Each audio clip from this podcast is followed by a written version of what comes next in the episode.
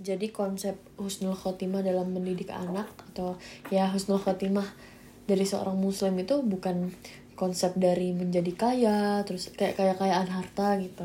Terus dari kaya kayaan harta akhirnya kita bisa bagi-bagi duit dan cuman meninggal gitu aja nggak gitu gitu. Cuman eh tapi itu tuh tentang kontribusi kita ke umat. Hmm. sebanyak apa kontribusi kita ke umat itulah. Contoh, ya kayak siapa ya kan kan itu yang sering digembar-gemborin kan kayak su- lu gimana mungkin bisa berkontribusi buat umat kalau lu nggak kaya gitu kan? ya eh. Itu yang sering digembar-gemborin. Iya. Nggak, emang nggak nggak nggak bisa dipungkiri emang kita butuh uang. Heeh. Cuman cara untuk bisa berkontribusi kepada umat tuh nggak hanya dengan kaya gitu. Hmm. Nah ini konteksnya anak ya. Eh, ke- kenapa kita berangkat dari husnul khotimah karena itu salah satu tujuan jajakan utama kita untuk menuju ke kehidupan berikutnya gitu. Nah, terus eh, generasi Salahuddin Al Ayyubi itu persiapannya itu dimulai dari masa Imam Al Ghazali. Jadi kurang lebih se- selama 100 tahun. Eh, Imam Al Ghazali itu lahirnya tahun 1058. Salahuddin Al Ayyubi 1138. Iya. Jadi sekitar seratusan tahun untuk membesarkan atau mempersiapkan generasi kontributor gitu. Mm-mm. Orang-orang yang siap menaklukkan Baitul Maqdis. gitu Iya, kan. Salahuddin Al Kenapa? Ayyubi kan kenapa? Yang pada saat yang pada saat itu eh, kondisi pada saat zaman itu itu mereka saling berpecah belah terhadap mazhabnya masing-masing. gitu ya. Iya. Gitu. Terus eh, pada saat Imam Ghazali datang, Imam Ghazali itu kayak tazkiyatun nafs. Mm-mm. Ya kan bahwa eh, apa? Kita tuh jangan berpecah belah, kita tuh harus mensucikan diri pada Allah, mereka itu saudara kita, kayak gitu. Bahkan kalau nggak salah Ustadz Frik pernah cerita sih. Jadi katanya sampai sampai saking kerasnya permusuhan sesama muslim di antara mereka, itu pernah ada yang bunuh-bunuhan di masjid. Hmm, ya lah kan. Kita belum sampai puncak itu. Bahasa ya. puncak-puncak itu. Kita terpecah belah sih. terpecah belah gitu. Cuman belum sampai puncak itu. Heeh, nah, Belum sampai pada saat. Imam Ghazali itu hadir, Imam Ghazali itu yang mendamaikan semua itu, perpecahan-perpecahan itu. Makanya kan, makanya di surat Al-Jumu'ah kan Allah bilang kan, "Waladzi ba'atsa fil ummiyina rasulan minhum yatslu 'alaihim ayati wa yuzakkihim." Dibacain ayat-ayatnya, terus kemudian mensucikan diri mereka gitu.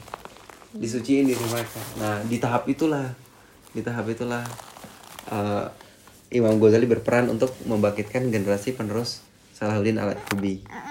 Iya bang, terus terus. Itu ya masya Allah ya. Oke, terus akhirnya aku mikir gitu. Kalau kemalasan itu tetap jadi uh, membudaya atau mengakar pada diriku, gimana aku bisa sebagai ibu tuh bisa melahirkan generasi-generasi semacam itu gitu. Hmm. Jadi memang kualitas apa ya? Kualitas yang dididik tuh dimulai dari si pendidik kan. Kayak aduh self reflect banget gitu. Jadi eh, generasi muslim yang terbaik itu selalu muncul di early age gitu, di young age, jadi masa-masa muda mereka dari umur 10 sampai 20 tahunan. Kayak misalnya eh, Usama bin Zaid radhiyallahu anhu. Beliau kan panglima perang di umur berapa 16. Dan beliau tuh dipilih sama Rasulullah. Hmm. Ini tuh jadi eh, contoh gitu. Kan orang-orang bertanya-tanya kenapa nggak memilih yang lain? Karena banyak opsi saat itu kan. Kenapa bocah nih anak kemarin sore gitu. Hmm. 16 tahun sama SMP ya? Eh, SMA. SMA 16 tahun. SMA. Biasanya sih biasanya sih kelas 1 SMA. Baru lulus SMA biasanya. Hmm. Kalau sekarang-sekarangnya. Ya ampun. Ya, makanya itu kan jadi kayak Langsung mimpin perang ya. Sama bin Zaid ya. Itu ada Iya. di bukunya di sahabat-sahabat Muhammad. Kamu udah baca belum? belum belum. Sahabat belum. Dan beliau tuh me- apa eh, leading 10.000 pasukan. Itu kan masya allah banget. Hmm. anak umur 16 tahun kalau anak sekarang bisa apa gitu kan? Nah, kalau pertanyaannya kan kayak gitu kan? Eh, kebayang anak anak SMP ngatur-ngatur orang tua. iya iya benar benar. Orang sesepuh dan dan hebatnya juga yang diatur juga nggak gengsian gitu. iya Iya karena kan? komando rasul Heeh. Nggak kan ada juga yang ini komando eh, komando ulama misalnya suruh ikutin ini gitu. Tapi kan gengsi gitu. Lu Iya, siapa iya. gitu kan. Iya iya iya Nah, itu tuh tanda bahwa Rasulullah memang menempatkan iya anak-anak muda itu untuk show up ya Hmm. to show up nak memberikan kontribusinya gitu Mhm. jadi udah udah masalah ria ah nanti ria ah nanti ujub gitu itu udah selesai udah selesai udah bukan ya. bahasanya lagi gitu next. Kayak misalnya Imam Syafi'i. Heeh. beliau kan college student mahasiswa di umur 11 tahun. Ya Allah lebih muda lagi. Dan jadi lecture jadi apa? Lecture tuh? Eh, dosen. dosen Mm. di umur 14 tahun. Dan jadi mufti di umur 16 tahun. Allah. ya Allah terus kayak saya reflect gila gue umur 11 ngapain main kelereng? Kan Iya, sama abang juga ya. Nih, kalau eh, ada satu kisah. Jadi waktu itu kan Imam Syafi'i lagi ngajar. Terus abis bulan Ramadan, abis itu minum susu. terus pada kaget Terus pada kaget, ya Imam kenapa kamu aman nggak puasa gitu kan? Aku ini belum balik lah kan gitu. oh gitu oh gitu iya, belum ada kewajiban eh, aku untuk berpuasa gitu. Ih, lucu banget Lucu banget kan, ya kan? Iya, Di saat dia memberikan fatwa ini ini itu ini itu gitu kan. Iya, iya. Dia Wah, merinding sih ngebayanginnya kan? kayak bukan mikirnya gini Gimana? Aku aku ngebayangin bocah di masjid Heeh. mereka isi kajian dengan wibawanya segala macamnya terus nggak puasa gitu aku kan belum balik gitu iya Masya Iya, Allah. ya. sayang. Iya sayang. Mm-mm. terus ini al khawarizmi uh, master of math mathematics kan beliau tuh jadi jadi dosen di umur 18 tahun juga jadi hafiz Quran di umur 10 tahun masya Allah luar Ini, biasa ini juga jadi pelajaran buat kita ya bahwa nanti anak anak-anak kita tuh jangan selalu dipandang sebagai anak-anak gitu. iyalah Kamu tuh udah dewasa nak gitu. Kamu kamu ya kita juga harus mandang dia ngasih tanggung jawab ke dia, ngasih tugas-tugas ke dia supaya dia dia ngerasa bahwa dia tuh dewasa juga. Iya. Dan ya begitu. Emang sih kalau misalnya kita lihat sistem yang sekarang, maksudnya sistem pendidikan sekarang, Hmm. itu tuh eh, kalau kata Ustadz Hari itu dan aku ngelihat juga iya sih, itu cenderung eh, Dipanjang-panjangin. di proses pendewasaan anak tuh jadi lama, Hmm. jadi nggak tek tek tek gitu. Hmm. Kalau kalau sesuai Islam tuh kan cepet, maksudnya pendewasaan itu rap, ra- apa ya rapat kompak gitu loh. Hmm. Kalau zaman sekarang kan panjang kayak lulus kuliah baru nanti dilepas. Oh sayang. entut juga tadi. Iya. Eh, baru lulus kuliah itu baru dilepas secara keuangan kayak gitu. Mhm. Nah itu hal yang sebenarnya membuat kita merosot sih Hmm. dari segi mentalitas ya. Hmm. Karena eh, generasi Muslim itu eh, kalau yang best ya, yang yang kita tilik dari sejarah itu biasanya muncul sebagai kontributor dari peradaban tuh at the age of 15, 15 gitu. Itu bahkan lebih muda. Itu rata-rata 15. Dan itu kayak wow, 15 gue ngapain ya? Tapi Bubun waktu aku waktu umur 14 tahun itu ngerasa puncak-puncaknya aku tuh sangat eh saya suka eksplorasi sih. Iya. Kalau aku dulu ya, Terus aku uh, ada di puncak eksplorasi. Jadi sekarang kalau self reflect, oh ya sebenarnya kalau misalnya gue ditanemin visi dari awal dari gue lahir, itu umur 14 sudah bisa jadi emang. Hmm, hmm. Waktu itu aku ngerasa bukan bukan mateng ya, tapi saat itu aku merasa udah bisa lah memikirkan sesuatu udah bisa, udah udah udah udah bisa kritis gitu umur 14. Udah bisa explore, udah udah bisa dilepas. Hmm, hmm. Karena mungkin kebiasaanku juga ya dilepas sama orang tua. Hmm.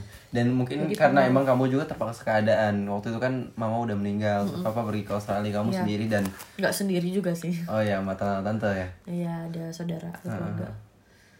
Tapi tetap aja beda sama kayak Rasul kan Rasul Beda, of course. Iya Rasul waktu itu waktu hidup sama Abu, Abu Talib kan dia malu kan Dia Kenapa? iya. Kan Abu Talib kan anaknya banyak, terus miskin ya kan. Nah, Abu, Nabi Muhammad numpang sama Abu Talib. Iya, jadi tahu diri ya. Jadi tahu diri gitu. Sama mungkin kayak kamu juga gitu ya. Kamu tahu diri ya sih.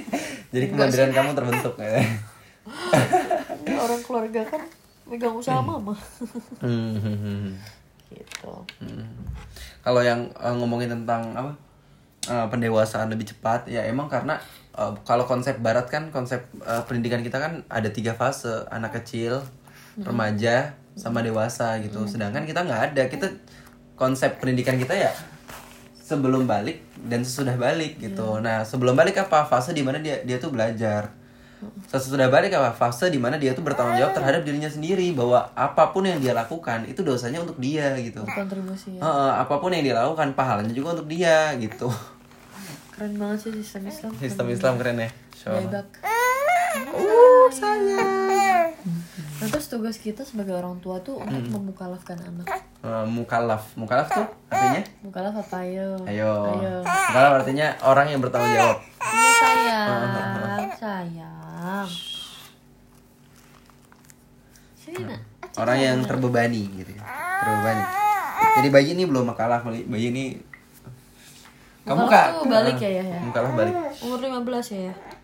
Oh iya relatif sih ada orang yang udah balik umur umur 10 tahun, 11 tahun, 12 ya 10 sampai 15 lah.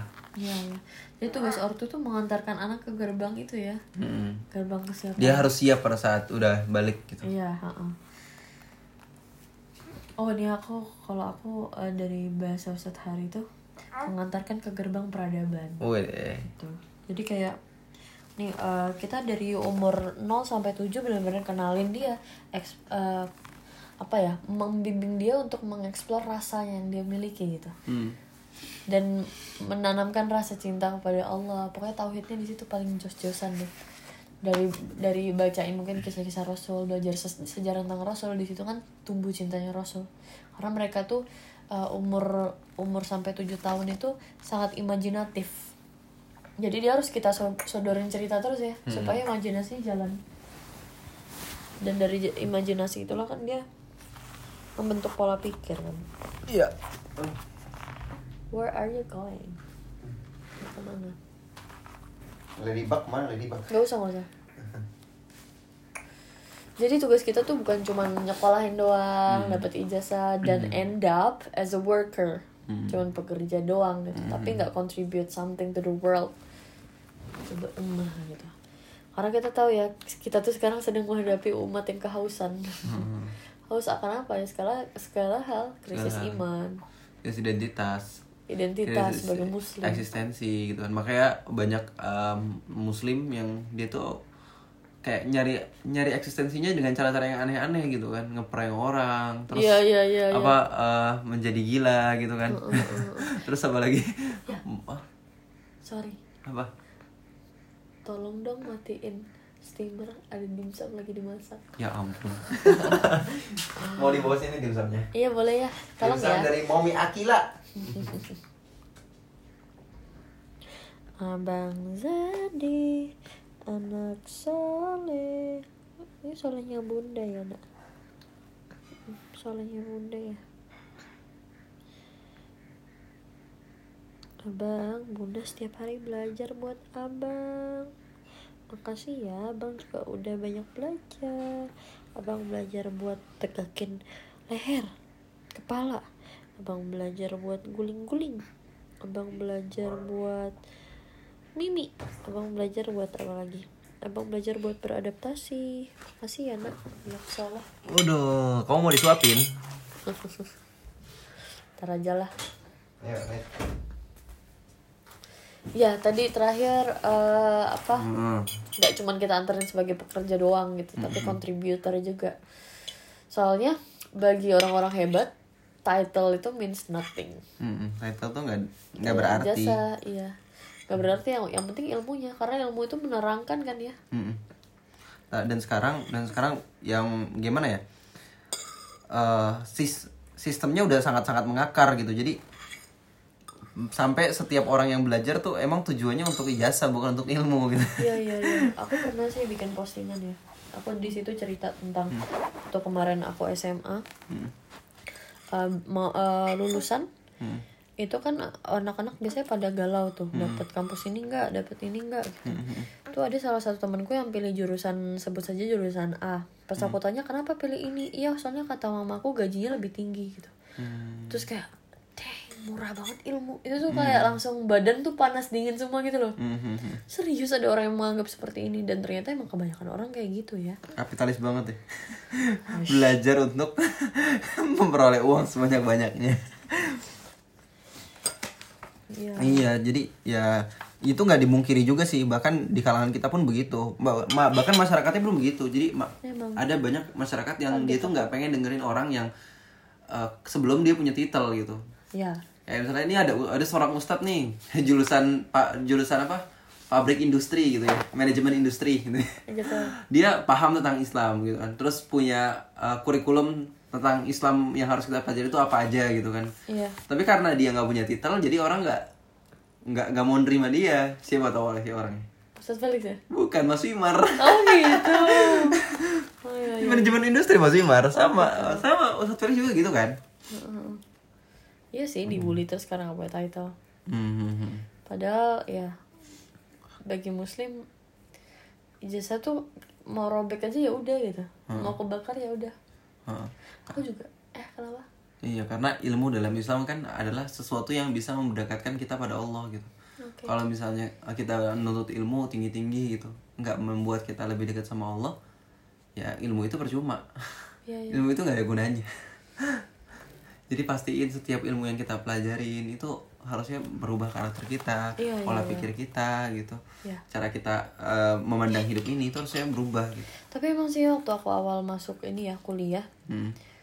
eh, waktu ospek mungkin di minggu-minggu pertama itu yang dibahas adalah apa sih prospek kerja dari lulusan sastra Inggris gitu Hmm.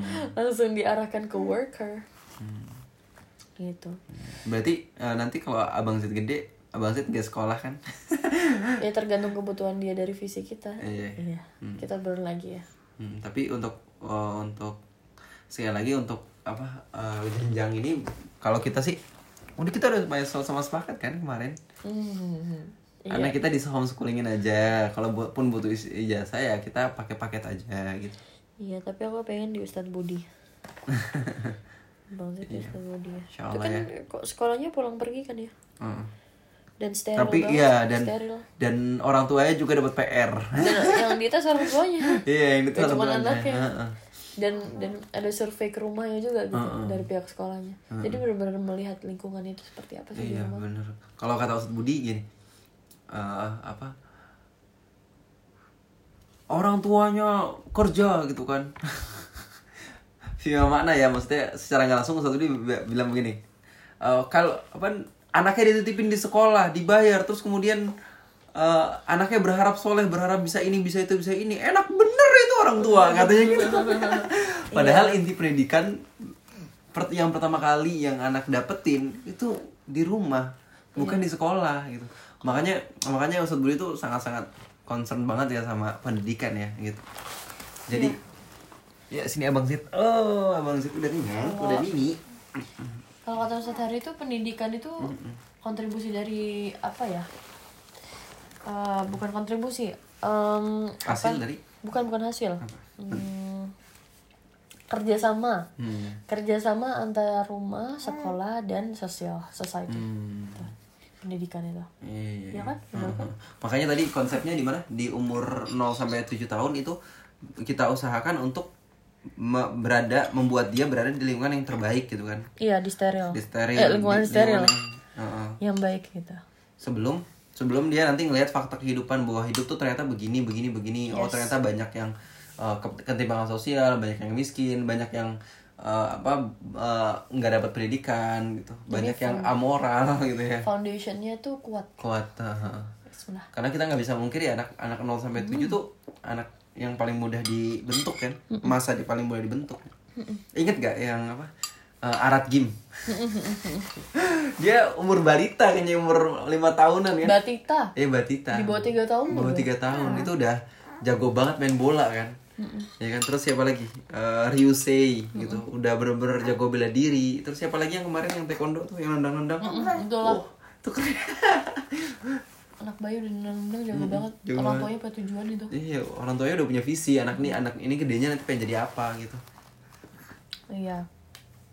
Makanya kalau kita eh, anak kita anak kita itu kita diemin aja eh, ya udah yang penting lu makan yang penting lu diem gak usah ganggu kerjaan kita gitu kan. Di- kita kasih dia ke orang untuk dia urusin segala macam. Itu secara langsung kita membiarkan dia terbentuk oleh pola pikir orang lain gitu ya. Iya kita jangan sampai seperti itu saya nggak kita kokohkan Nggak gitu kita kokohkan, nah. jadi pertanyaannya adalah ah, generasi muda sekarang tuh yang muslim ke mana? Kok nggak show up sih? Udah umur belasan kok masih kayak gitu? Ya itu. Malu banget kita Iya, udah banget. 20-an ya. Iya ya abang 25 Eh, udah tua ya waktu umur 25 tahun Rasulullah itu maharnya 50 miliar loh. Oh, kamu suruh aku nikah lagi? enggak. Ya silakan kalau mampu. Terus eh, ya gitu pertanyaannya kok nggak show up? Ke mana sih? Apa problemnya gitu ya? Balik lagi ke pendidikan zaman sekarang. Jadi sistemnya itu nggak mengorientasikan kita untuk eh, menjadi salah satu role salah satu eh, orang yang berperan dalam peradaban tapi dan dan apa ya nggak sejalan dengan fitrah gitu Hmm. tapi ya ya eh, diarahin untuk jadi worker juga dan edukasi dan sistem edukasi sekarang itu nggak didasarkan nggak nggak apa ya guide itu apa bahasa Indonesia nya Eh, dibimbing. ya nggak pembimbingannya tuh nggak nggak eh, langsung dari Al-Quran gitu loh Ya. Guidance-nya itu bukan Al-Quran Yes. ah susah betul. banget ngomong jadi makanya eh, nggak sesuai dengan fitrah manusia apa apa yang berhubungan dengan Al-Quran Pasti yang ada di. Al-Quran pasti fitrah karena Allah yang bikin Hmm. Dan kalau kita menyelesaikan Al-Quran berarti tidak fit- fitrah. Ya kan kalau nggak fitrah berarti terjadi masalah. Hmm, berarti kalau misalnya bun begadangan aku begadangan dari dari dari sore sampai pagi nggak tidur tidurnya pagi sampai malam berarti itu keluar dari fitrah kan Iya. Iya. Tapi tergantung. gimana Tergantung. Jadi Rasul pun Rasul pun itu ya. Kan gini ya, kad- kadar tidur seorang kan beda-beda gitu. Iya.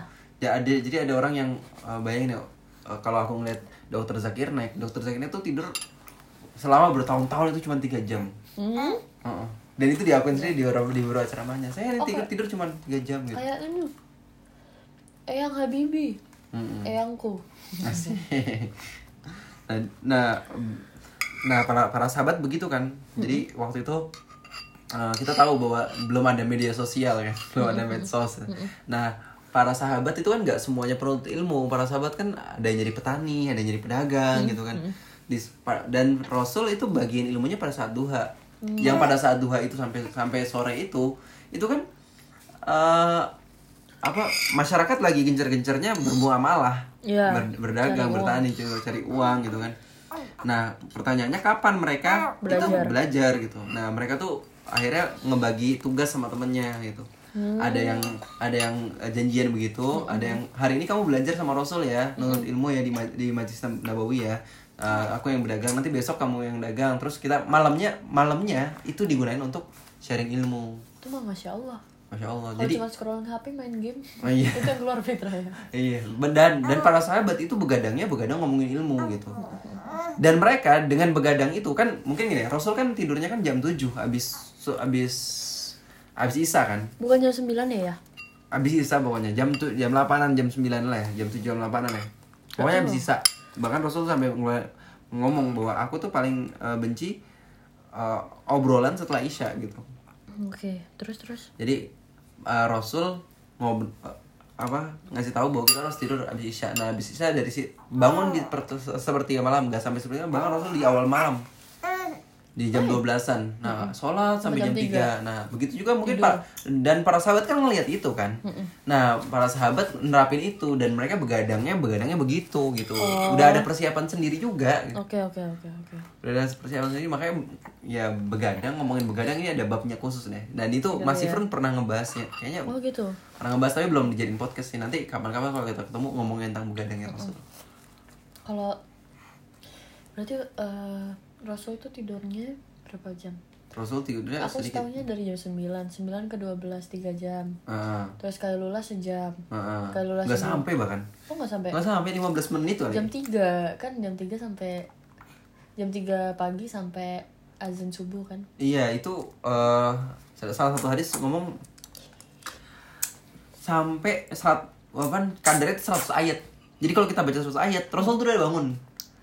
Jadi ayat 1 sampai ayat 100, ayat 100 Rasul bangun. Sebentar banget kan? hmm, Iya kan? iya, iya. nah, kalau Ilham juga gitu nggak? Sampai 15 menit paling.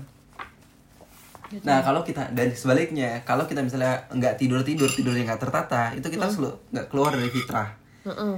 Begitupun kalau tidur kita kebanyakan, itu juga keluar keluar Aku dong. keluar dari fitrah. It's me. Astagfirullah, aku telah menzalimi diriku sendiri. Hmm, Bismillah udah Bismillah belum kamu? Hmm. Makan. enggak Oh ya Allah. puasa Nanti aku ya. pengen ini ya, pengen direbusin ya. Ah, Bang Z, ya. zaman dulu Hmm, gimana? yang disampaikan Ustadz Hari itu Hmm. btw guys ini tuh dari Ustadz Hari Santo saya Hmm, almarhum. Semoga eh, Allah Subhanahu wa taala eh, terima amal-amalnya. Allah entar letakkan beliau di surga tertinggi bersama Rasul dan para sahabat, para syuhada, para salihin. beliau masya Allah ulaika rafiqo. ya jadi pendidikan itu bahu membahu antara rumah sekolah dan jamaah tadi Hmm. bilang bukan society ya jamaah itu community lah ya Hmm, dan sekolah itu harusnya community based education. Kayak kayak misalnya di Sumatera itu ada surau. Jadi anak-anak umur 8 sampai 10 tahun itu keluar dari rumah dan dibimbing langsung sama ulama. Hmm. terus dari situ udah jadi kayak nggak pulang gitu loh ya. Hmm, nginepnya di surau. Kalau yang cewek pulang pas maghrib kayak gitu. Jadi eh, bener-bener menuntut ilmu dan lepas dari rumah. Itu jadi salah satu proses pendewasaan juga kan. Hmm, Nah, eh, dan mereka-mereka tuh mulai keluar dari rumah atau merantau itu dari usia 14 sampai 15 tahunan. Hmm. Jadi umur 17 sudah mentas, sudah matang gitu, Iya. ya kan? Heeh.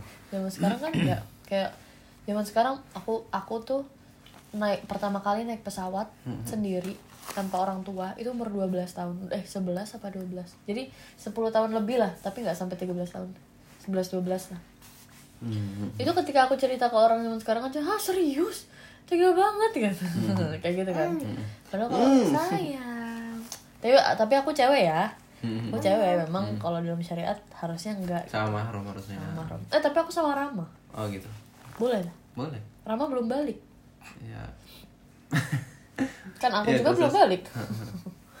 gitu. Jadi udah bener-bener dilepaskan waktu itu. Itu udah udah aneh banget menurut orang-orang. Mungkin for some people aneh, for some people tuh biasa aja ya. Hmm. Cuman kalau di timeline Islam itu emang 15 tuh udah ma- eh 17 lima- 15 ke atas tuh udah matang banget. Udah siap ke mana-mana gitu. Udah siap nikah. Iya kan? Kalau di Ya. Islam kan siap nikah itu kan pas balik ya. Yes. uh, Eh, gini kalau kalau yang kata Ustadz Hari itu kalau zaman dulu balik itu sekalian sudah sekaligus akil mm-mm. Udah akalnya mantap dan tubuhnya juga ma- eh, udah siap untuk untuk mungkin bereproduksi gitu Mhm. Kalau sekarang kalau sekarang eh, udah balik ditambahin akil Eh, balik itu belum tentu akil uh-uh. Gitu. tubuhnya udah Tubuhnya tubuhnya, udah siap, siap udah dewasa baru- tubuhnya. uh-uh. mentalnya mental Mentalnya, bocah iya. gitu gitu jadi orientasi pendidikan itu tidak sama dengan uang tapi kebermanfaatan Mm-mm. Karena konsepnya gini, orang yang bermanfaat itu pasti Allah datangkan terus rezekinya, Mm-mm. ya kan? Pernah ngerasain nggak nggak punya duit tapi kok datang terus ya? sering kita ya Berarti a- ayah bermanfaat. bukannya kita sering gak ada duit terus tiba-tiba banyak kiriman Bukannya duit kita nggak habis habis. Iya. kan kita punya yang maha kaya, Iya, ya kan? Masa itu itu sebenarnya adalah harta yang enggak harta yang tak terhingga itu kita punya yang maha kaya, Iya benar-benar. kan? Justru harta kita yang terhingga itu cuman serendah-rendahnya titipan ya. Iya betul. Duit, duit. Orang hidup cuma cari duit. Bismillah. Belajar hidup susah dikit nak. Eh nah lagi sayang. Jadi kalau orang-orang eh, slogannya janganlah kayak orang susah gitu ya. Udah apa yang eh, kita pengen beli ya kita beli aja, janganlah kayak orang susah gitu. Ya kalau ini Bang Hawa, Kalau aku slogannya belajarlah jadi orang susah gitu. iya. Kayaknya aku terlalu dimanja kali hidupnya. Iya, Abang.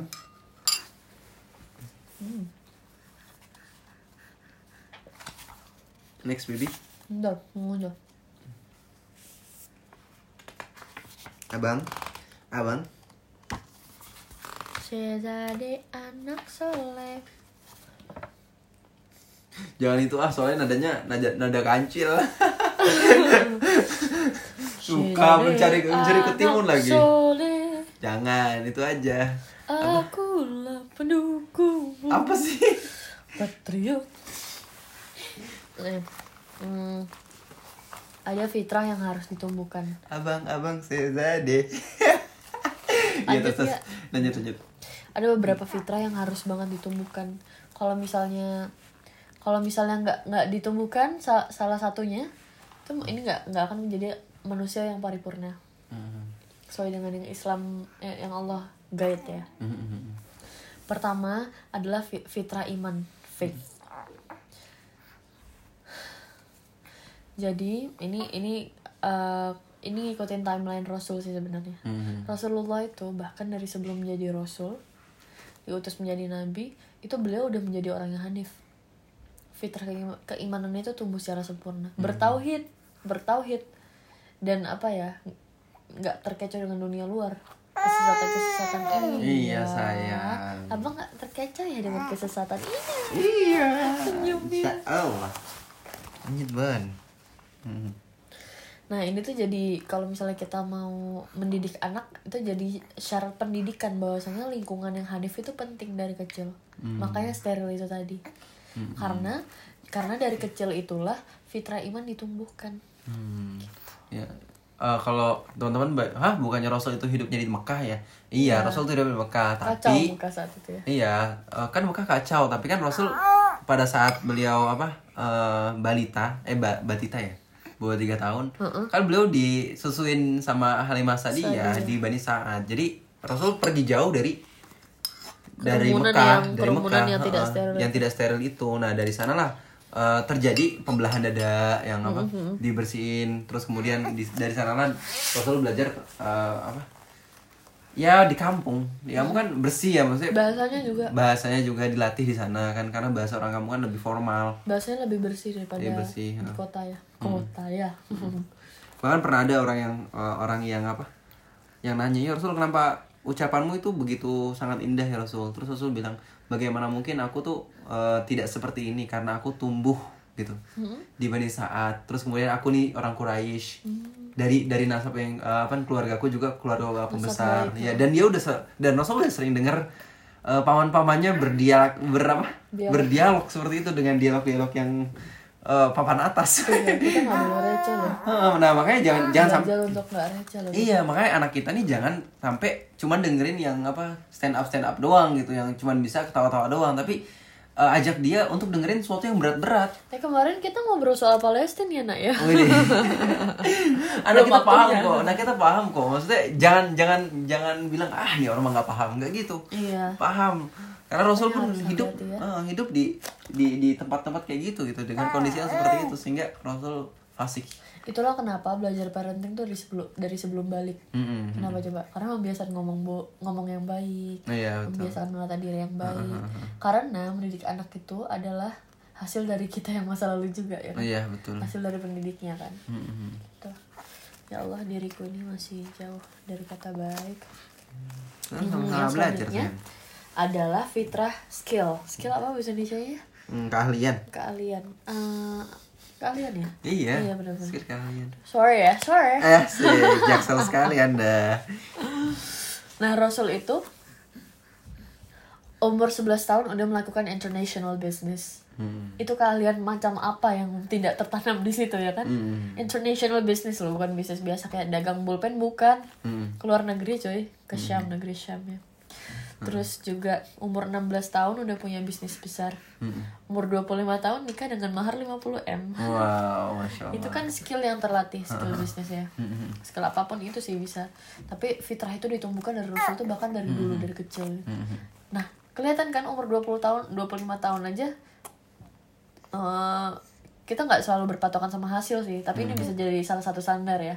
Hasilnya aja udah begitu gitu. Ya kan? Insya Allah. Eh, ada ada satu kisah tentang eh, pernikahan Rasul sama eh, Khadijah. Mm-mm. Jadi waktu itu kan eh, apa? Khadijah radhiyallahu anha. Jadi jadi waktu itu Rasulullah kan mengembala kambing kan. Nah, mengembala kambing sama siapa? Mengembala kambing dapat eh, koroid kalau nggak salah. Dia dapat beberapa Koroid. koroid itu tuh bawahnya di dinar, eh dirham, Oh, bawahnya perak. Kayak sen ya. Iya kayak sen gitu, bawahnya perak. Dan Rasul bawa dapat beberapa koroid. Jadi itu dikit banget. Nah, itu gembalaannya siapa? Gembalaannya kakaknya atau pamannya Khadijah gitu. Hmm.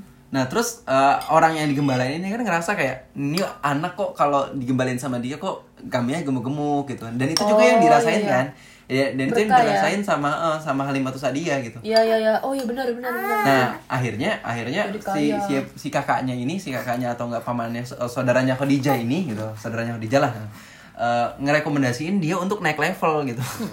untuk naik level maksudnya dikasih pekerjaan yang lebih baik lah gitu kan. Eh, siapa sih yang nggak seneng kalau misalnya ada orang baik terus kemudian eh, apa naik naik apa tingkat ekonominya naik terus apa Iya. enggak hidupnya sejahtera kan seneng ya? Dan nggak minta-minta. Ah, enggak, dan enggak minta itu juga ah, itu juga jadi pelajaran buat kita kalau kita pengen naik gaji gitu ya kalau kita kerja gitu. Kita jangan nagih orangnya nagih nagih bos kita. Bos nambahin dong bos gaji kita bos. Tapi sebaliknya kita lakuin perform yang terbaik. Nah baru abis dari situ sa- kalau bos kita eh, pasti secara nggak langsung kalau kita emang tulus ngelakuin hal yang terbaik kan bos kita ngeliat kinerja kita kan pasti dinaikin eh, jabatannya gitu. Nah ya ya. Nah dari situ di eh, Rasul kan akhirnya disuruh dagang kan sama sama yang Khadijah. Iya. Eh direkomendasi dagang di tempatnya Khadijah gitu. Karena kenapa? Karena Khadijah waktu itu ini waktu itu banyak orang yang eh, partnership sama dia. Cuman ditipu banyak yang Oh, serius? Oh, banyak yang jahatin, banyak yang gak amanah gitu. Baru tahu nih. Nah akhirnya akhirnya eh, eh, di Nabi Muhammad kerja sama Khadijah kan. Nah abis itu kerja kerja kerja begitu juga langsung dagangannya laris. Hmm. Larisnya bukan hanya se- sekali dua kali bahkan berkali-kali lipat gitu kan. Nah pada saat Skill beliau ya. Heeh, pada saat berarti kan berdagang kan harus baca psikologi orang, terus bagaimana menawarkannya dengan baik, bagaimana caranya agar orang tahu. Bahkan katanya di salah satu riwayat ada yang bilang Rasul tuh ada gores sedikit di satu barang aja, itu dikasih tahu. Ini goresnya ini loh, ini kelemahannya ini loh gitu kan. Kalau ini kelebihannya ini Gitu loh ya. gitu. Heeh, Kalau misalnya kita kalau ditanya dulu misalnya kalau sekarang eh, misalnya penjaga HP gitu kan, eh, Mas Oh, pekerjaannya apa? Gitu.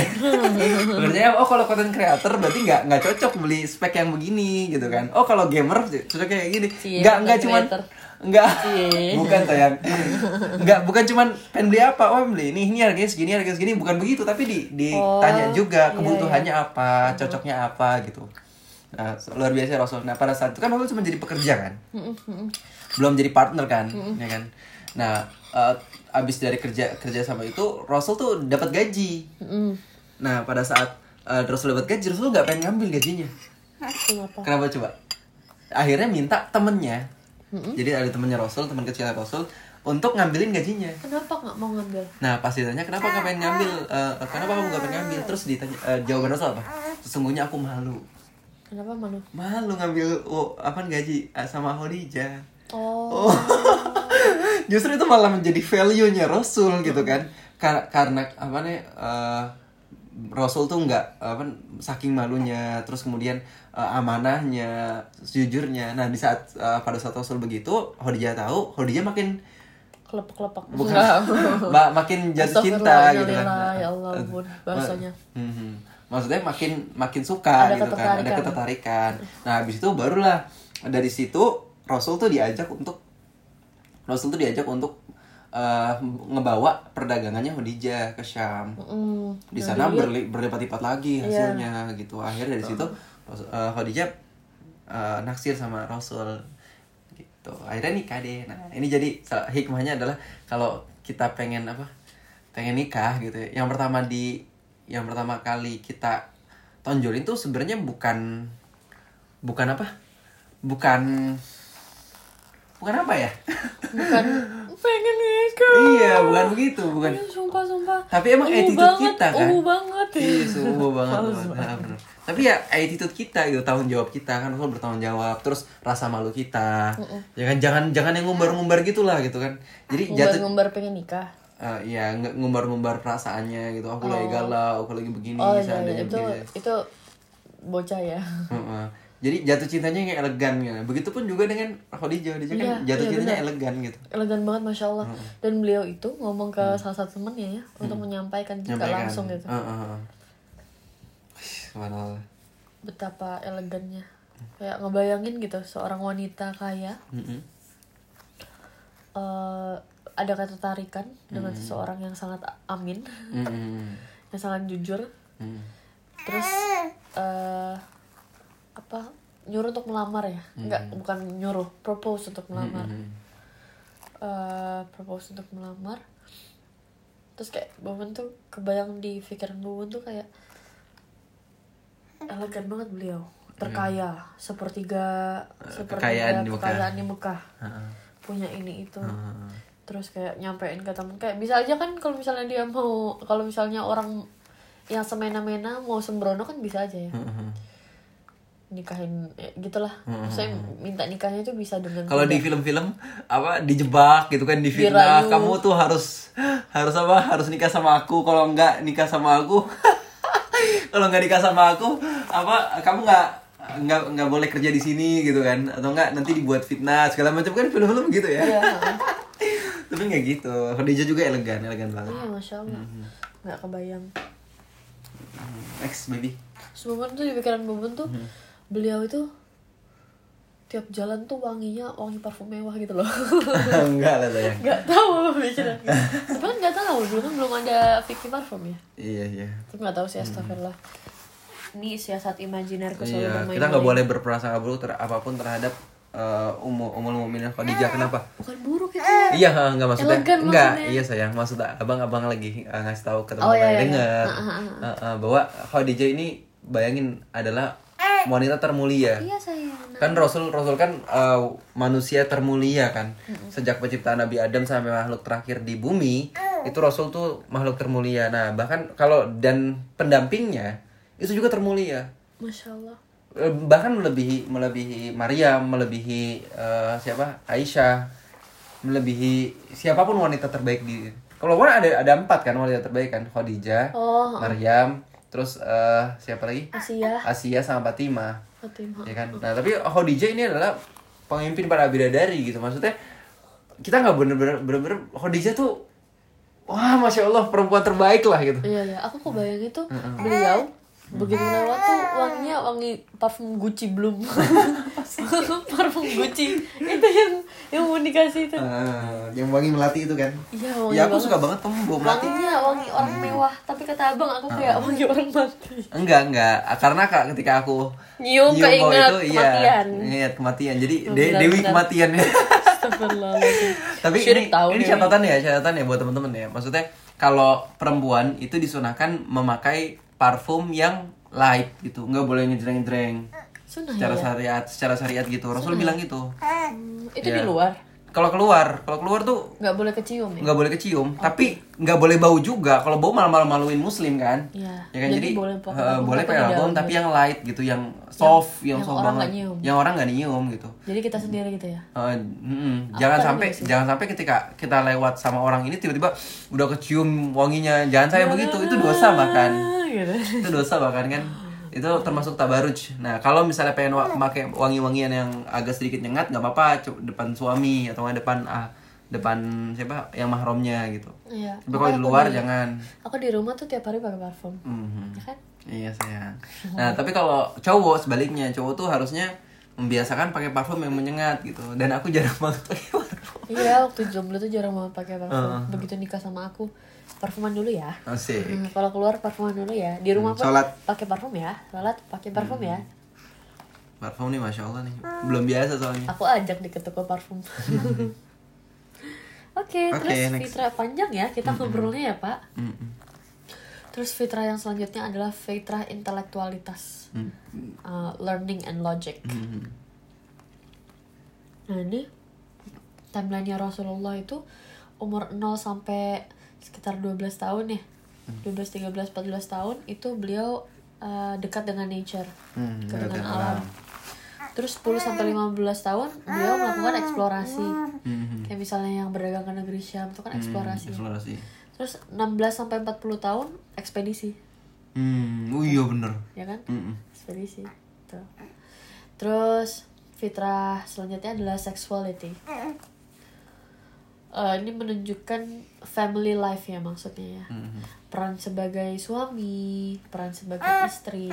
Dan Rasul tuh always been he's always been excellent. Selalu masya Allah di semua hal gitu. Eh, maksudnya di peranan peranannya dia eh peranan beliau.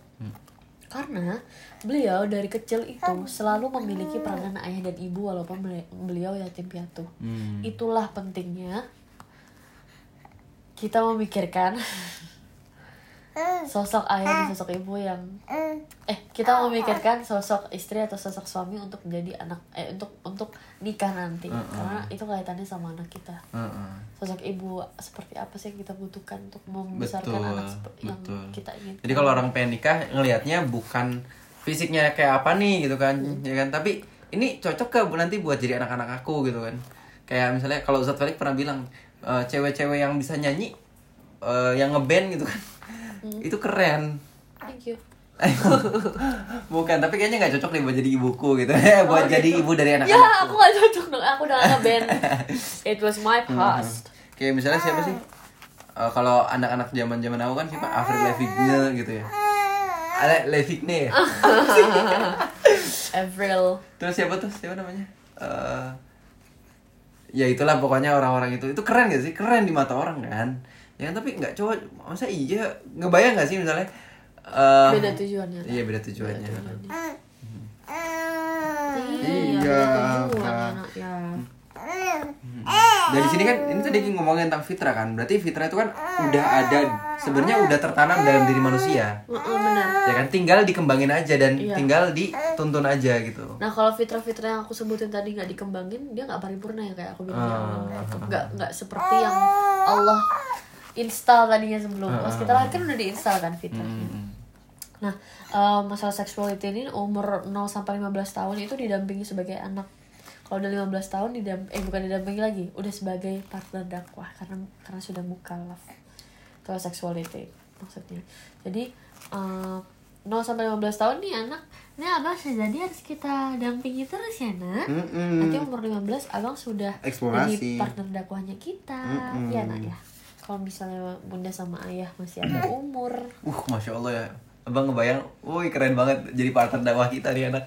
Iya aku waktu aku waktu belajar ini nih dengerin kajian ini tuh langsung ya Allah panjangkanlah umurku karena Gitu ya. aku nggak tahu besok meninggal atau enggak kan Hmm. ya kan terus selanjutnya ada individuality individuality and so- social sociality jadi eh, kehidupan individual yang dimaksud adalah penanaman ego ya.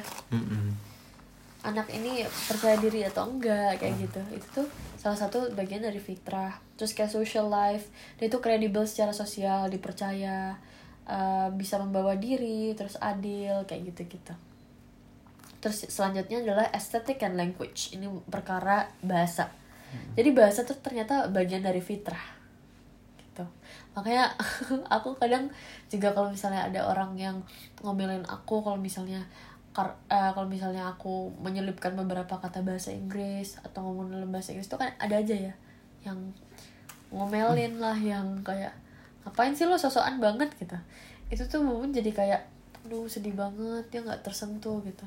Nggak tersentuh dengan apa nggak tersentuh dengan tujuan dari kita berbahasa jadi kalau aku sendiri belajar bahasa Inggris itu sangat terbantu ketika aku eh, ketika ada isu-isu sosial yang datangnya tuh lebih dulu dari apa news portalnya tuh dari luar gitu. Kayak misalnya kemarin Palestina itu aku akhirnya ba- baca banyak artikel dari luar terus juga eh, tentang MPASI yang penelitiannya belum ada di Indonesia misalnya.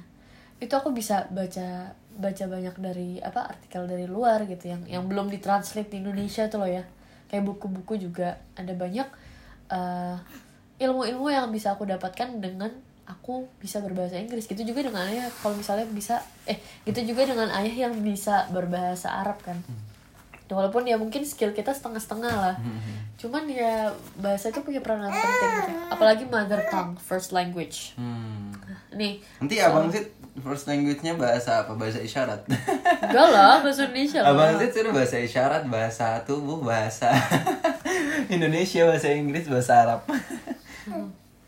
Ih Nah, ketawa. kalau kalau language ini fitrahnya itu kita kembangkan bahasanya tuh bagus tuturnya santun karena bahasa itu nggak cuman linguistik kan tapi ba- bahasa Gestur, tubuh eh, benar gestur, katanya ekspresi kan. tuturnya santun tajam dalam bernarasi linguistik itu. Mhm. jadi gimana caranya kita membuat dia tajam dalam dalam bernarasi?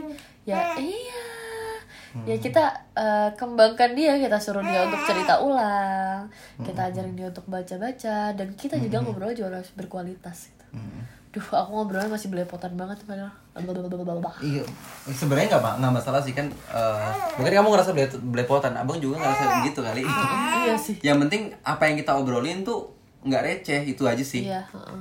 Itu sih orientasinya di situ aja dulu gitu. Kalau Iya. Abang bahasanya harus tajam ya, Nak, karena Hmm.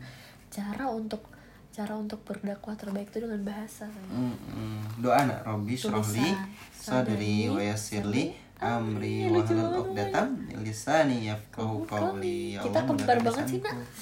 Hmm, kembaran aku ini. Kembaran aku. Aku. Nah, ini ya eh, tajam dalam bernarasi itu kan mother tongue-nya diperkuat. Bahasa pertamanya diperkuat. Itu kenapa Rasulullah kan iya. Iya. Rasulullah kan ini ke desa itu kan Ah. memperkuat bahasa.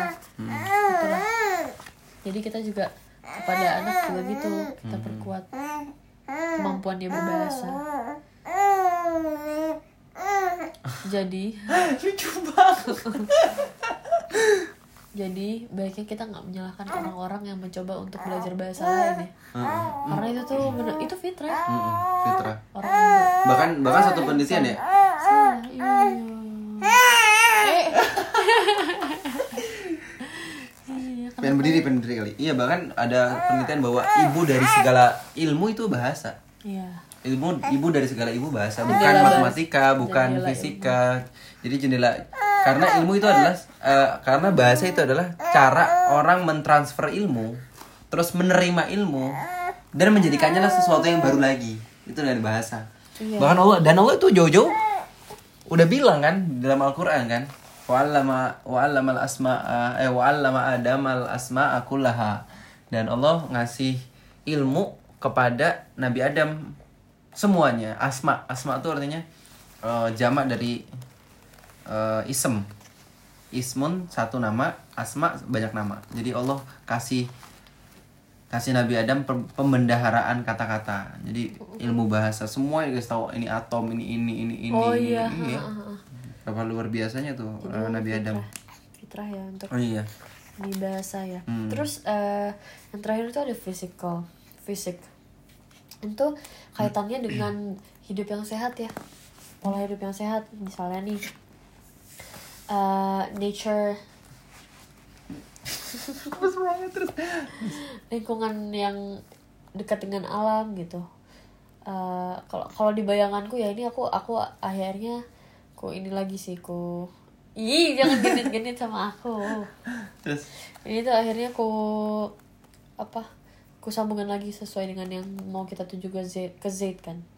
Eh, nature environment itu mainnya dia aktivitasnya dia nanti itu di alam dekat sama alam 0 sampai 7 tahun. Terus juga makanannya itu dekat dengan alam jadi sustainable jangan sampai merusak apa nah, Lingkungan. merusak lingkungan masa ya. bumi anak ya jangan sampai anak Terus aku tuh mikirnya juga eh, kan ada juga ad- dari nature environment, satu lagi tuh sport sama healthy activities. Hmm. Nah aku mikirnya yang kita coba untuk tanamkan kan dari awal wushu, gulat, sunah kan gulat, berenang, berkuda, panah kan sunah kan. Hmm, hmm, hmm. Tuh Z itu harus nyoba karena karena fitrah manusia itu adalah menjadi sehat dengan pola makan, pola aktivitas dan pola olahraga. Tuh Berarti aku masih zalim. Iya. Eh, eh, karena kamu jarang olahraga Iya. Nih ya, di beberapa sekolah internasional, Hmm. anak umur 2 sampai 3 tahun itu ada kurikulumnya untuk apa coba? apa Melihara hewan Hmm. atau tumbuhan. Tapi biasa hewan, tapi hewan yang disebutin. Karena eh, memelihara hewan dan juga merawat tumbuhan itu menumbuhkan kemampuan buat memimpin. Hmm. Nah, Rasul itu menggemba, menggem- mengemba, mengembala kambing dari umur 3 tahun. Bayangin. Hmm. itu jadi kayak apa ya ke trigger gitu daya untuk memimpin dia Hmm. kepada jadi kayak punya tanggung jawab juga. Dia punya hewan yang dia rawat. Hmm. jadi gimana? Zaid boleh kan punya hewan? Boleh tapi bukan kucing. Oh, apa kambing. Kambing nggak apa-apa. Kambing di rumah aja ya Naya di kampung ya? Di di di di kampung sama Abi ya? Di kampung sama Abi ya? Abi ya? Eh, abang Zaid harus bisa ngerawat tiap hari lah ya. Hmm. kelinci kelinci. Kelinci. Nanti anak ya? Iya hmm. Kucing lah ya. nanti nanti abang Zid di rumah Abi sama Umi ya se- setahun dua tahun yang ngembala kambingnya. Ya. Mm-mm. itu dia tadi ya. Ini kayak dia daya eksplorasi dia kan. Kayak bermainnya dia itu dengan eh, s- dengan apa? Di natural environment. Di na- nature. nature and gimana gimana? Ih, ketawa ketawa. Ya Allah ya Allah ya Allah jatuh cinta ya nak. Sama jatuh cinta. ya nak Apa? senyum nak Anak sana. ya kan jadi health- healthy life ya kan eh, di nature environment Iya terus. Iya kan eh, bahwa mainnya itu harusnya di luar, mainnya itu harus di eh, apa alam terbuka gitu Iya. kan. Ja, berarti jangan sampai tuh anak tuh dari kecil itu udah langsung dikasih gadget gitu ya. Di- enggak, Oh itu enggak. parah banget. Kan kita kan Ini yang terjadi itu yang terjadi di society kan maksudnya ya. Iya. Iya kan? Kan kita udah Udah sepakat. heeh. kita tuh bikin screen time buat abang sih. Jadi dia sampai umur 2 tahun tuh nggak boleh natap layar kecuali video call sama orang tua. Mm-mm. Kecuali banget. Dan itu nggak boleh lama-lama ya, Nak. Heeh. Heeh. Karena kenapa coba? Kenapa coba ada screen time? Kenapa? Karena golden age-nya anak itu waktu dia untuk mengeksplorasi sekitar. Kalau dia cuma mengeksplorasi layar, itu sayang banget. Heeh, itu sakit sih sakit banget dan itu kan kita ngeliat banyak banget waktu inget ya waktu kita eh, di hotel Bogor Heeh. itu an- anak kecil lagi Oh, iya, makan bener. gitu kan dia udah eh, Mainnya eh, HP YouTube. Iya, kan. kayak anak TK itu. Itu anak TK kan ya. Udah ada HP sendiri dia. langsung ngobrol sama search iya langsung search search YouTube, langsung lihat ini lihat itu sendiri Iya. aja, ya kan? Oh, itu ngeri sih. Nah, a- aku jadi ingat kata Ustadz Budi kan. Lihat bundanya. Digigit ya, geli tau digigit tau dia. Ya, kalau kata Ustadz Budi kan gini, ada ada satu wali santrinya yang ngeluh kan tentang anaknya yang suka main game gitu kan. Iya. Terus Ustadz Budi nanya, "E, emang siapa yang ngasih yang ngasih ga- eh, gadgetnya? Saya. Saya, ya ibu gitu kan. Terus eh, sekarang dia main main akhirnya dia sekarang main game kan. Ya cocok lah ibu yang fasilitasin. dia main game cocok udah gitu kan. Sindiran keras banget kan. Tapi emang aku suka loh gayanya Ustadz Budi kan gitu. Maksudnya Iya, eh, to the point lah. To the point kan. Aku suka yang kayak gitu. Langsung "Aduh, tar tar tar wah ini jangan lah gitu. Dan ada satu riset juga yang menunjukkan bahwa anak yang di bawah 6 tahun itu udah megang gadget itu kehilangan konsentrasinya sebanyak eh, 40 sampai 60 persen. No, anakku sayang. Aku eksplorasi Ba- bahkan kita kita sendiri aja ngerasa loh ya, abangan sendiri aja ngerasa. Jadi kalau misalnya eh, seharian ini nggak ada HP, itu kayak ada yang kurang gitu kan. Iya. seharian nggak buka sosmed itu kayak ada yang kurang gitu. Kayak itu kayak adiktif banget udah kayak bagian dari kehidupan. Walaupun kita sadar ya kita perlu megang HP karena di situ kerjaan kita juga gitu. Iya, kan. ya komunikasi kan di situ juga. Cuman maksudnya ya harus bener-bener pilih-pilih, ya kan? Kapan waktu yang tepat untuk anak gitu. Dan kita juga harus bener-bener manage diri kita apa apakah yang kita scroll ini adalah sesuatu yang penting untuk kita apa bukan gitu. Ya, karena informasi tidak bisa di-uninstall. Iya betul. Informasi yang masuk. Iya, sayang. Terus apa lagi? Kalau misalnya eh, ah, sebenarnya anak-anak itu, anak-anak itu kalau misalnya dilepas di alam terbuka itu semuanya jadi mainan gitu. Iya benar. Ranting, Heeh. daun, daun, tanah, gedebong rumput. pisang dijadiin eh, mobil-mobilan gitu kan. Iya. Jadi kita sebenarnya nggak perlu juga gitu, nggak perlu perlu juga untuk beli mainan ini mainan itu. Boneka ada yang ada ben- bentuknya keren-keren gitu ya. kan ada yang ada yang sampai addicted kan ngoleksi ngoleksi apa sih figur-figur figur action ya kan Iya. wah sebenarnya anak-anak nggak perlu dikasih figur action gitu dia dikasih kayu pun dimainin gitu Iya benar. dikasih eh, kertas digulung-gulung juga ditendangin sama dia gitu Iya, ya kan? ada ada ada tanah yang bidang gitu ya yang miring itu jadiin perosotan sama dia Pintar-pintarnya kita ya. pintar-pintar kita aja gitu sebagai orang tua ya. Terus apa namanya? Itu kan di usia sampai 15 sampai mukalaf ya. Tadi fitrah-fitrah yang aku sebutin. Nah, jadi eh, ini kaitannya sama Rasulullah yang sudah di apa namanya? udah adult life lah. Adult life-nya Rasulullah dari segi faith dari segi fitrah eh, faith itu apa iman? Iman. Fitrah keimanan itu jadi change maker. Jadi pembuat perubahan ya. tadinya secara heeh, jadi pembuat pembuka pem- perubahan kalau dari skill Fitra ketika udah adult life eh, udah adult jadi problem solver tadinya punya skill saya skillnya usaha kan Hmm. terus jadi problem solver di usia segitu Hmm. Udah banyak nyelesain masalah orang. iya dari skill yang dipunya tuh yang di- dikembangkan tadi waktu masa kecil terus dari inte- intelektualitas yang learning itu ya? Itu jadi jadi learning for being. Jadi learning untuk menjadi eh, apa untuk berkontribusi gitu. Terus juga dari sexuality. Jadi re- regeneration maker. Nah, regeneration maker itu bukan bukan masalah reproduksi doang ya. Hmm. tapi masalah connect dalam tujuan. Hmm. dan kan ada ada ini kan kita biasa dengar bapak ideologis gitu kan. Nah itu koneksi dalam tujuan kayak gitu. Kan kita bisa menjadi bapak dari anaknya orang lain kan Iya, atau betul. ibu dari anaknya orang lain kan. Jadi ya jadi anak walaupun ibu atau ayahnya udah meninggal dia tetap membutuhkan sosok ayah ibu kan. Yes. dan itu yang kita coba untuk penuhi kalau misalnya nanti bunda meninggal kan pasti ayah harus cari sosok ibunya untuk abang sih dan gak harus istri istri pun ya apa sih gue juga ya udah gitu gitu deh Itu tadi yang eh, apa sebelum sebelum ke situ ada apa yang apa? apa Mengembala domba. Jadi Rasul dari umur 6 tahun mengembala domba. iya kambing Kambing. tiga tahun Iya, tiga tahun ya. tiga tahun Iya kan di sana udah mengembala domba ya. iya terus tadi eh, dari setelah seks Rasul sebenarnya bilang, eh, sebenarnya ada pembahasan khusus tentang mengembala domba ini manfaatnya apa? Ngeri loh ulama. iya iya Sedetail itu bayangin. iya iya aduh pengen tiduran gimana gimana Ya gitu deh. ini katanya Enggak, aku ngerasa kayak nggak diperhatiin. Astagfirullah ya Cuma rebahan doang Bunda tadi udah udah ngapain tuh Oh sayang sayang, iya iya iya iya iya. Udah belajar, udah meeting, udah Oh sayang sayang, iya iya iya iya. Gitu ya ngeluh Iya, gitu deh.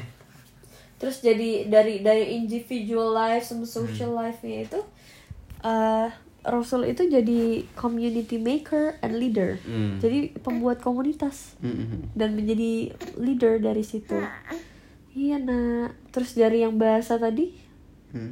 Hadoriyah tuh apa sih ya? Hadariyah. Hadarah. Hadoriyah. Hadariyah, kemajuan kemajuan. Oh, oh dari Kayak teknologi bahasa gitu. yang dikembangkan tuh jadi Hadoriyah. Jadi peradaban Tapi juga. aku nggak ngerti sang- sangkut paut eh nggak dijelasin detail tadi. Oh gitu ya. Mm-mm. Terus kalau yang physical life tadi, yang nature environment, itu beliau pas uh, adult life-nya punya uh, lingkungan yang healthy, yang yang apa namanya pem- pembuat lingkungan yang healthy, healthy environment maker, dan akhirnya dari kekuatan fisik itu menyiapkan beliau untuk jihad di masa tuanya, bukan masa tuanya, di setelah masa remajanya. Heeh. Iya, Rasul tuh jihad tuh umur 40-an lebih, pengen ke 50 gitu. Iya. Di saat orang-orang di Indonesia Udah di pada jompo. Udah pada jompo, udah nggak bisa ngapa-ngapain, jalan Bisa udah lah, bisa ya, lah. jalan udah Pinggulnya udah sakit. udah sakit. Ini umur Rasul umur Jihad. 50-an itu jihad justru. Bayangin deh ya kalau misalnya Sekuat kita apa tanemin, ya? kita tanemin, tanemin fitrah ini Mm-mm. ke seorang anak gitu kita install dan gak ada yang miss satupun Mm-mm. step-stepnya dari dari kecil walaupun pasti ada tantangannya ya itu pasti suatu hal yang wajar gitu cuman eh, kita ikhtiarin untuk terus gitu bayangin nggak adult adult life-nya tuh dia jadi apa Allah jadi ya. jadi agent of change Iya. jadi perubah ya kan of change. dan dan dia sudah dia pasti akan menunjukkan kontribusinya untuk perubahan umat kalau misalnya fitrahnya terpenuhi semua ya kan? Iya. Iya lihat oh iya Tapi ya yang harus ditanamin sama Abang Cid eh, a- agent of change itu bukan klaim, tapi karena ada YouTube YouTube YouTuber YouTuber kan Oh. sebelum mulai agent of change. oh iya, iya. itu tuh itu Klaim projectnya banget. YouTube Iya. projectnya YouTube Mm-mm. ya jadi ah kalau ngeliat ya Ustadz Adi Hidayat itu Hmm. pasti fitrahnya semua terpenuhi itu masya Allah Masya Allah ya. Ya. Orang tuanya juga hebat tuh orang tuanya Masya banget, Allah ya. Masya Allah. Kan kan apa fitrahnya manusia tuh suka belajar ya Mm-mm. fitrahnya seorang manusia anak kecil aja dia tiap hari belajar kan guling-guling belajar makan terutama kalau belajar asi belajar ini belajar itu itu tuh kalau misalnya fitrah untuk suka untuk belajar yang nggak terus di tempat eh, ditumbuhin disalurin terus itu ya, anak akan Hilang. orang akan malas belajar Mm-mm. mungkin bubur sudah hilang Ayah juga Fitrahnya ya dulu. Astagfirullahaladzim. Astagfirullahaladzim. Nah sekarang challenge kita adalah Gimana caranya dalam 24 jam itu fitrah semua itu terpenuhi? Masya Allah. Itu yang membuat kita membangun fitrah Gimana caranya? Jangan ke mana-mana Tetap di Ngeslow. Assalamualaikum warahmatullahi wabarakatuh. Abang. Assalamualaikum abang. Assalamualaikum dong. Abang, abang, abang. Ih, nggak mau ngomong. Ya udah. Ya assalamualaikum